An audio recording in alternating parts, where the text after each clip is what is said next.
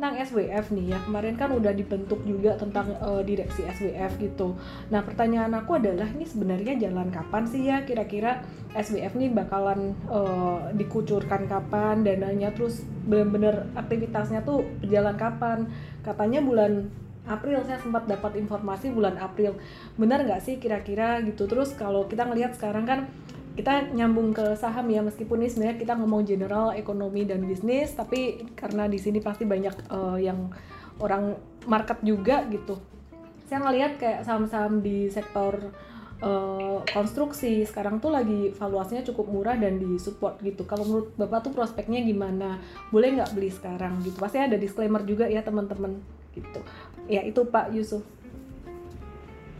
Ya, uh, terima kasih. Jadi kalau dari sisi timeline sih memang itu juga yang kita masih tunggu terus, walaupun paling nggak perkembangan yang kita lihat kan pembentukan jajaran manajemen Jadi komisaris dan dewan direksi kemarin sudah ditunjuk, dan kalau dari pemahaman yang saya dapat dari teman-teman di lapangan memang saat ini diskusinya masih berjalan. Bentuknya itu akan seperti apa ya? Jadi memang nanti realisasi dari uh, proses investasi yang akan diluncurkan ya untuk para para investor global untuk berpartisipasi dalam proyek infrastruktur Indonesia itu uh, skemanya akan seperti apa gitu. Jadi bentuk returnnya seperti apa, valuasinya seperti apa, dan aset-aset apa saja yang uh, akan ditawarkan ini memang masih terus uh, dibahas secara internal. Jadi memang kita masih belum tahu pasti kalau timeline um, melihat proses pembentukan manajemennya sih saya lihat cukup cepat ya jadi ya mudah-mudahan in, in the next couple of months kita bisa mulai uh, melihat bentuknya wujudnya seperti apa gitu. Mungkin kembali kalau ke masalah sektor uh, secara spesifik saham mungkin saat ini memang agak sulit kita sebutkan secara langsung ya karena tadi itu ya bentuk uh, investasinya seperti apa kita uh, masih belum tahu. Cuman dari spiritnya sih sudah jelas bahwa dengan adanya sovereign wealth fund ini pastinya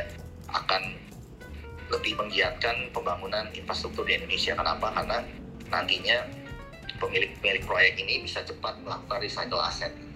Jadi misalnya mereka sudah membangun suatu infrastruktur dengan return yang menarik, kemudian ditawarkan ke investor lain dengan uh, keuntungannya tentunya pasti direalisasi. Jadi capital yang didapat bisa di istilahnya diputar lagi gitu untuk membangun proyek-proyek selanjutnya. Jadi tentunya sentimen positifnya ya pasti di uh, sektor-sektor yang terkait infrastruktur ya salah satunya konstruksi mungkin atau operator jalan tol dan ya infrastruktur related lainnya.